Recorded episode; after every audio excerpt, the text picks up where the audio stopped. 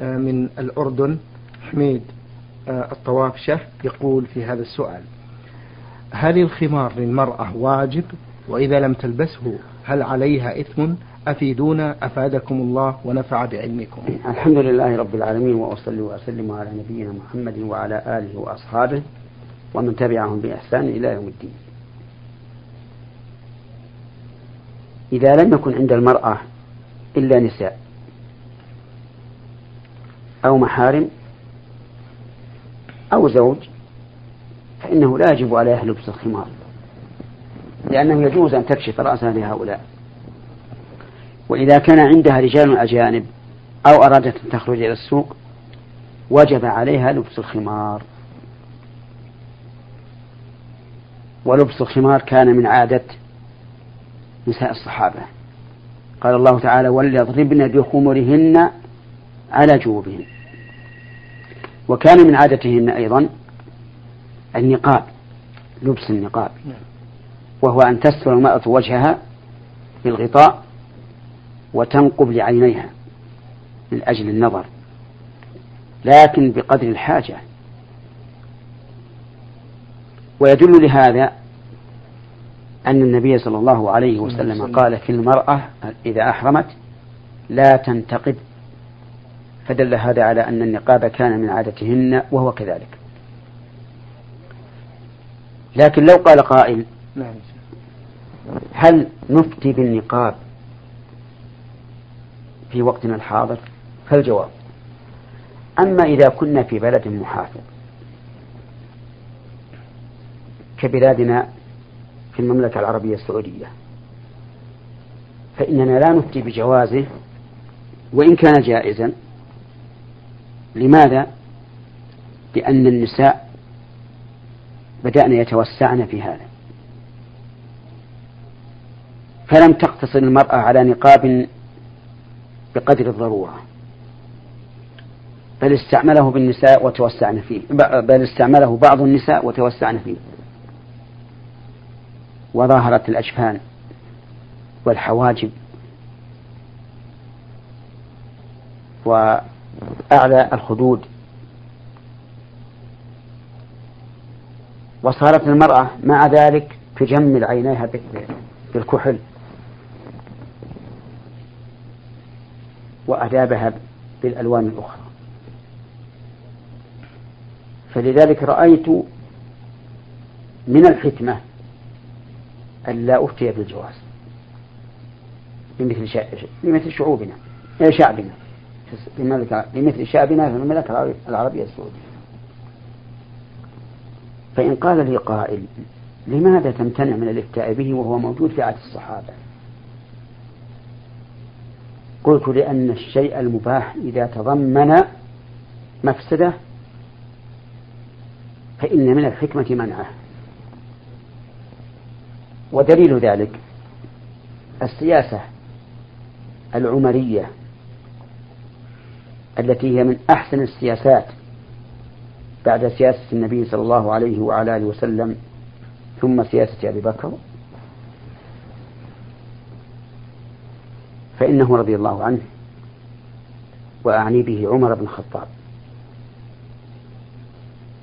لما رأى الناس تتايعوا وهلكوا في جمع الطلاق الثلاث بكلمة واحدة أو بفم واحد منعهم من المراجعة.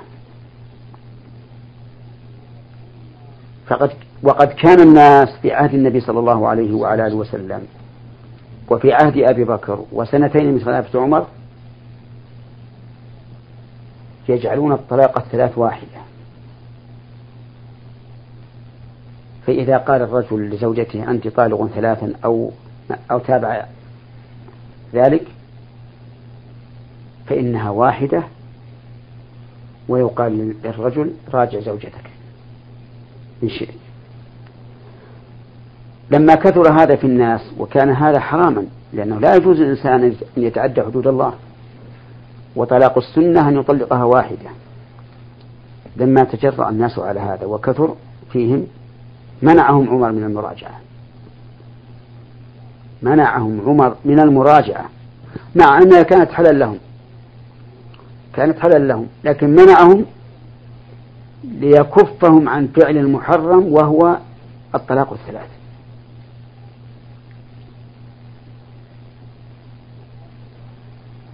وكذلك بيع أمهات الأولاد. يعني المرأة يتسراها سيدها الأمة يتسراها سيدها ثم تأتي منه بولد كان بيعها جائزا في عهد الرسول صلى الله عليه وسلم وعهد أبي بكر وأول خلافة عمر. لكن لم يكن أحد يبيع المرأة السرية مفرقا بينها وبين أولادها. فلما تهاوى الناس بهذا منعهم عمر من بيع أمهات الأولاد.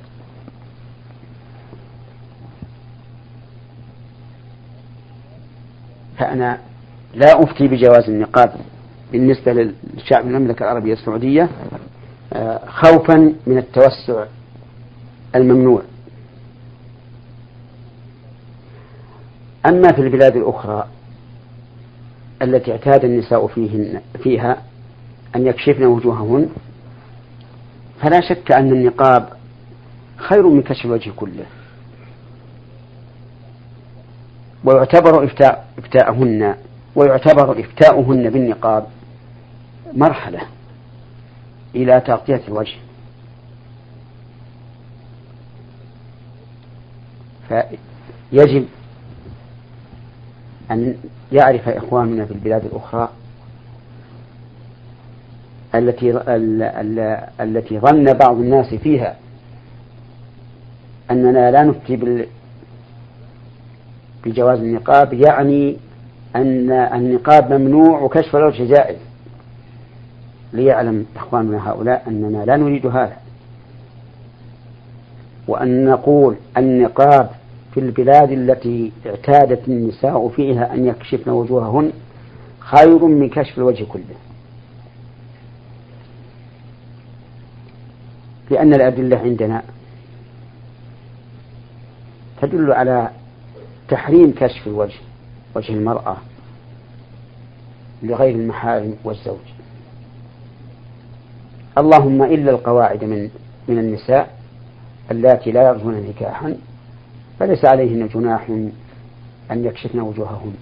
كما قال الله تعالى والقواعد من النساء اللاتي لا يرجون نكاحا فليس عليهن جناح أن يضعن ثيابهن غير متبرجات بزينة وأن يستعفف يستعففن خير لهن.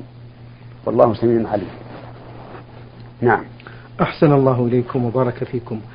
آه، السائلة أم أسامة من مصر أسوان أسوان تقول سمعت من بعض الإخوة يقول آه، بأن محمدا صلى الله عليه وسلم بقوله أن محمدا صلى الله عليه وسلم خلق من نور وأن آدم خلق من نور محمد فهل هذا القول صحيح؟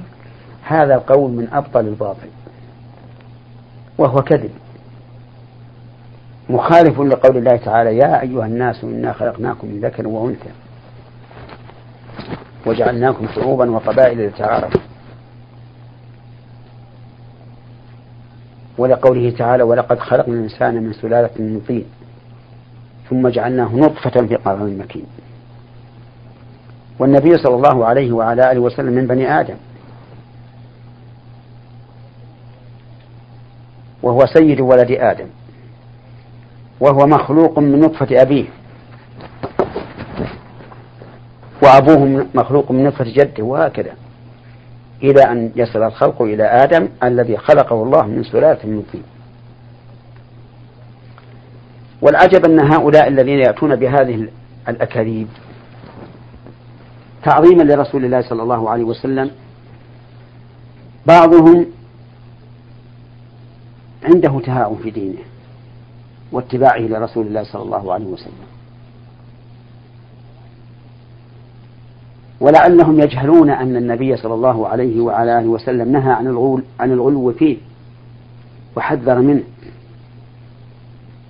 وإن نصيحتي لهؤلاء أن يتلقوا معتقدهم من كتاب الله وسنة رسول الله صلى الله عليه وسلم. وأن يعلموا أن محمد رسول الله صلى الله عليه وسلم بشر مثلنا. كما أمره الله أن يقول ذلك ويعلنه على الملأ. قل إنما أنا بشر مثلكم يوحى إلي. فقد تميز صلى الله عليه وسلم بالوحي وبما جبله الله عليه من مكارم الأخلاق. وبأنه أتقى الناس لله وأعبد, وأعبد الناس لله. لكنه بشر. وهو صلى الله عليه وعلى آله وسلم أعلم أنه بشر مثلنا. ينسى كما ننسى فقال إنما أنا بشر مثلكم أنسى كما تنسون فإذا نسيت فذكروني. شوف التواضع العظيم. أخبر أنه بشر ينسى ومع ذلك قال إذا نسيت فذكروني. ولم ينقص ذلك من قدره شيئا. بل هو أكمل الخلق إيمانا وتقوى وزهدا. وخلقا عليه الصلاة والسلام.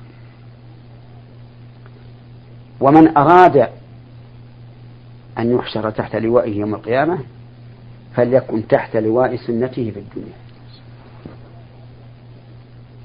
ولا يتعدى حدود الله. ولا يقصر عنها. فلا غلو ولا تفريط. هذا الواجب علينا. ولقد قال الله تبارك وتعالى لنبيه صلى الله عليه وسلم صلى الله عليه وعلى آله وسلم قل إن كنتم تحبون الله فاتبعوني يحببكم الله.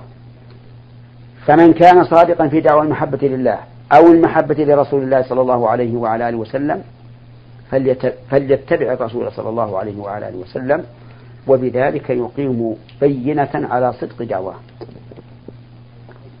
وأما أن يدعي أنه متبع للرسول محب للرسول وهو يقول في الرسول ما, ليس حقيقة ويبتدع في دينه ما لم يشرح فإن البينة تخالف دعواه.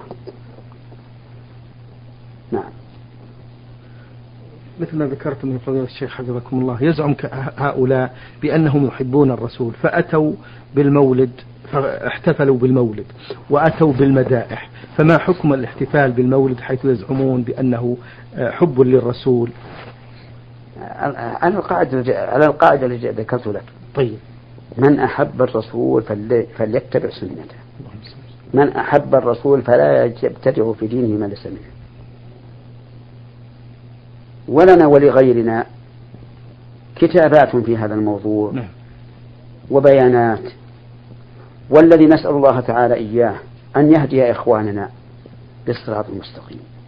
ويا سبحان الله أين أبو بكر؟ أين عمر؟ أين عثمان؟ أين علي؟ أين الصحابة؟ أين الأئمة عن هذا؟ أجهلوها أم فرطوا فيها؟ لا يخلو الأمر من أحد أمرين إما أنهم جاهلون بحق الرسول عليه الصلاة والسلام أن لا يقيموا احتفالا لمولده أو أنهم مفرطون. تذهب القرون الثلاثة كلها لا تعلم بهذه البدعة ونقول إنها مشروعة إنها محبوبة إلى الله ورسوله إنها نافعة لمن قام بها. هذا لا يمكن. ثم إنه يحدث به في هذه الموالد من المنكرات العظيمة. والغلو بالرسول صلى الله عليه وسلم شيء كثير. فنسأل الله تعالى أن يرزقنا جميعا الاتباع. اللهم نسأل الله تعالى إيمانا لا كفر معه آمين. ويقينا لا شك معه آمين. وإخلاصا لا شرك معه آمين. واتباعا لا ابتداع معه. آمين. حفظكم الله وبارك فيكم وفي علمكم. قول الشخص فضيلة الشيخ اللهم ارزقني زوجة جميلة وهو في الصلاة ما حكمه؟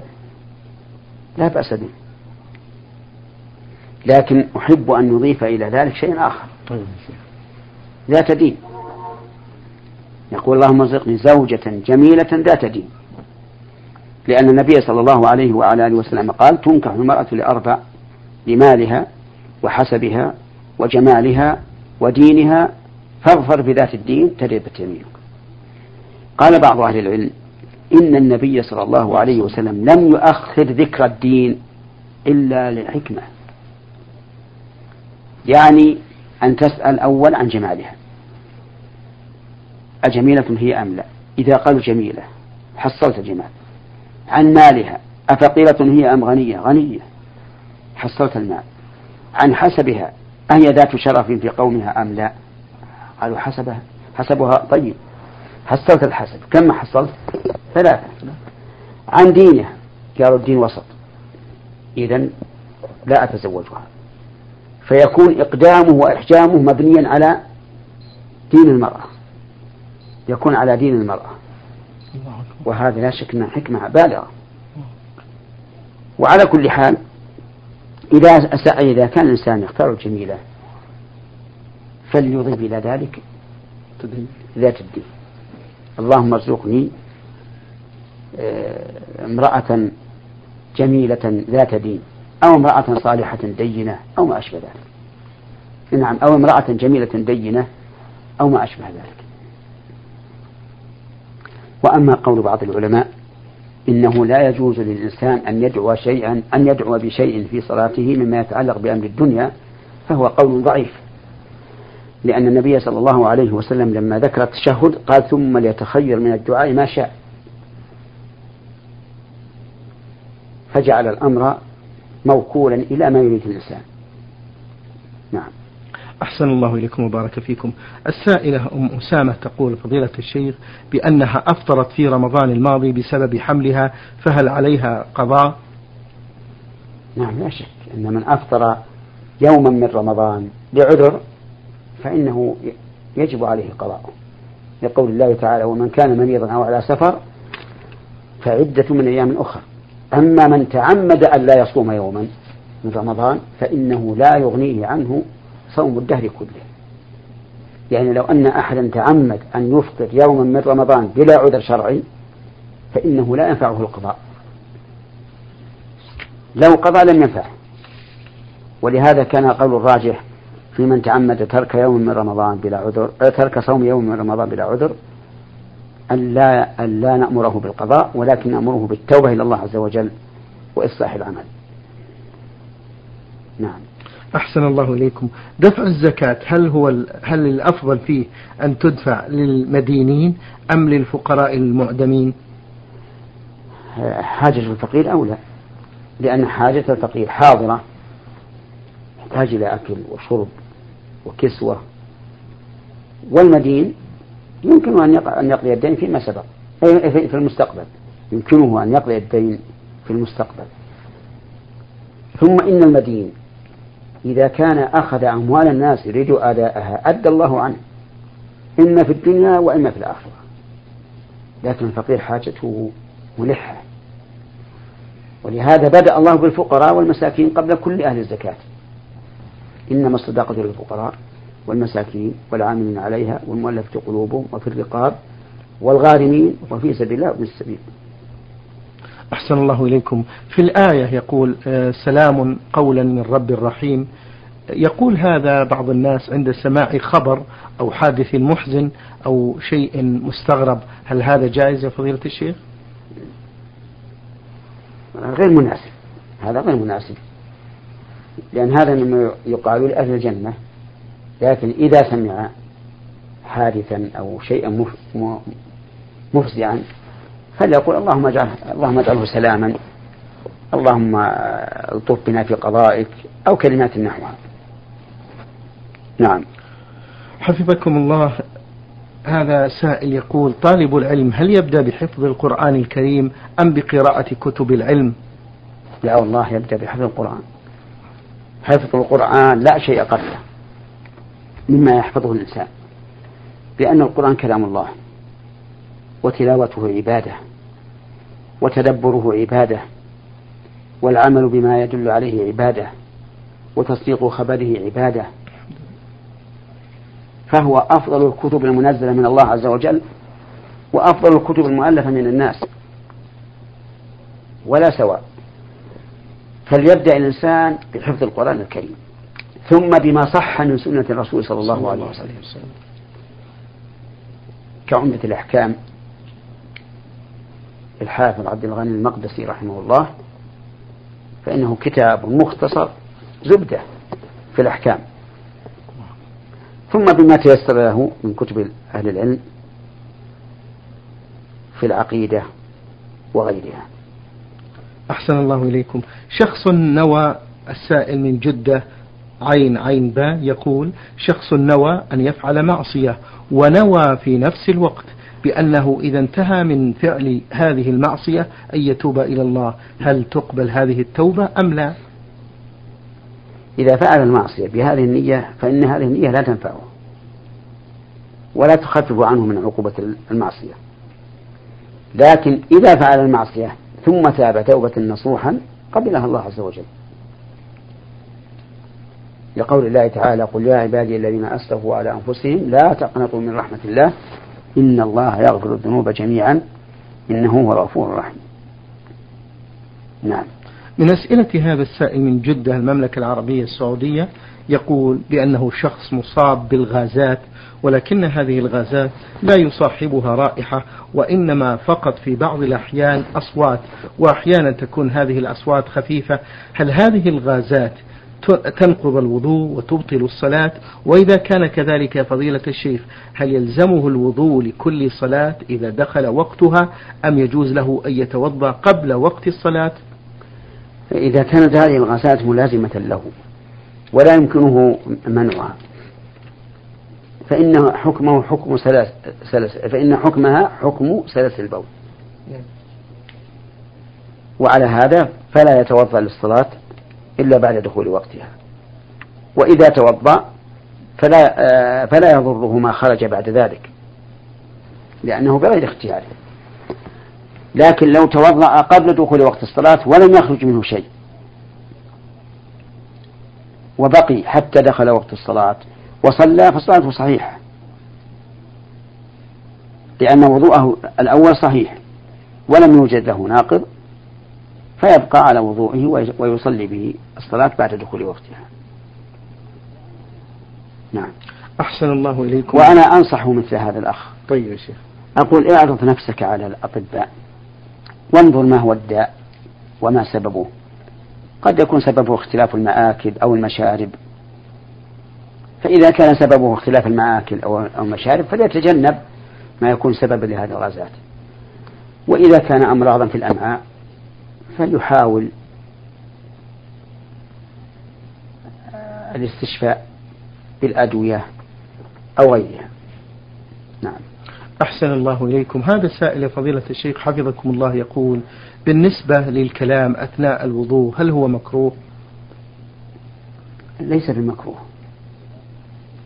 الكلام أثناء الوضوء ليس بمكروه لكن في الحقيقة أنه يشغل يشغل المتوضئ.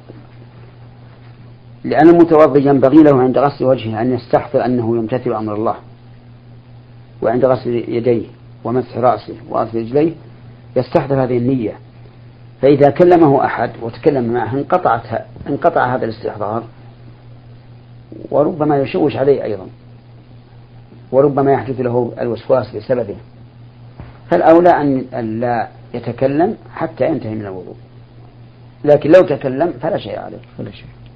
إذا طهرت المرأة من الحيض وقت الظهر فماذا عليها أن تصلي؟ وإن طهرت وقت العصر أو المغرب أو العشاء أو الفجر ماذا عليها في قضاء الصلوات؟ إذا ظهرت وقت الفجر اغتسلت وصلت الفجر. وإذا طهرت وقت الظهر اغتسلت وصلت الظهر. وإذا ظهرت وقت طهرت وقت العصر اغتسلت وصلت العصر. ولا يلزمها صلاة الظهر على القول الراجح عندنا. وإذا طهرت وقت المغرب اغتسلت وصلت المغرب. وإذا طهرت وقت العشاء اغتسلت وصلت وقت العشاء وصلت العشاء. ولا يلزمها المغرب على القول الراجح عندنا. لأن النبي صلى الله عليه وعلى آله وسلم قال من أدرك ركعة من الصلاة فقد أدرك الصلاة. قال أدرك الصلاة. ولم يقل وأدرك ما يجمع إليها. قبلها. هذا القول الراجح عندنا. وما روي عن بعض الصحابة من أنها تعيد الصلاة التي قبلها فلعل هذا على سبيل الاحتياط أنها ربما كانت طهرت في وقت الأولى ولم تحس بها فقالوا من باب الاحتياط تصلي الأولى وهو لا يضرها إن شاء الله. لكن إيجاب ذلك عليها آه، لا دليل عليه فيما أعلم. ولهذا لا يلزمها إذا طهرت في صلاة في في وقت العصر إلا صلاة العصر. وفي صلاة العشاء إلا صلاة العشاء. شكر الله لكم يا فضيلة الشيخ وبارك الله فيكم وفي علمكم ونفع بكم المسلمين. أيها الإخوة المستمعون الكرام أجاب على أسئلتكم فضيلة الشيخ محمد بن صالح بن عثيمين الأستاذ في كلية الشريعة وأصول الدين في القصيم وخطيب وإمام الجامع الكبير في مدينة عنيزة. شكر الله لفضيلته وشكرا لكم أنتم. وفي الختام تقبلوا تحيات زميلي مهندس الصوت سعد عبد العزيز خميس. والسلام عليكم ورحمة الله وبركاته. نور على الدرب. برنامج يومي يجيب فيه أصحاب الفضيلة العلماء على أسئلة المستمعين. البرنامج من تقديم وتنفيذ عبد الكريم بن صالح المقرن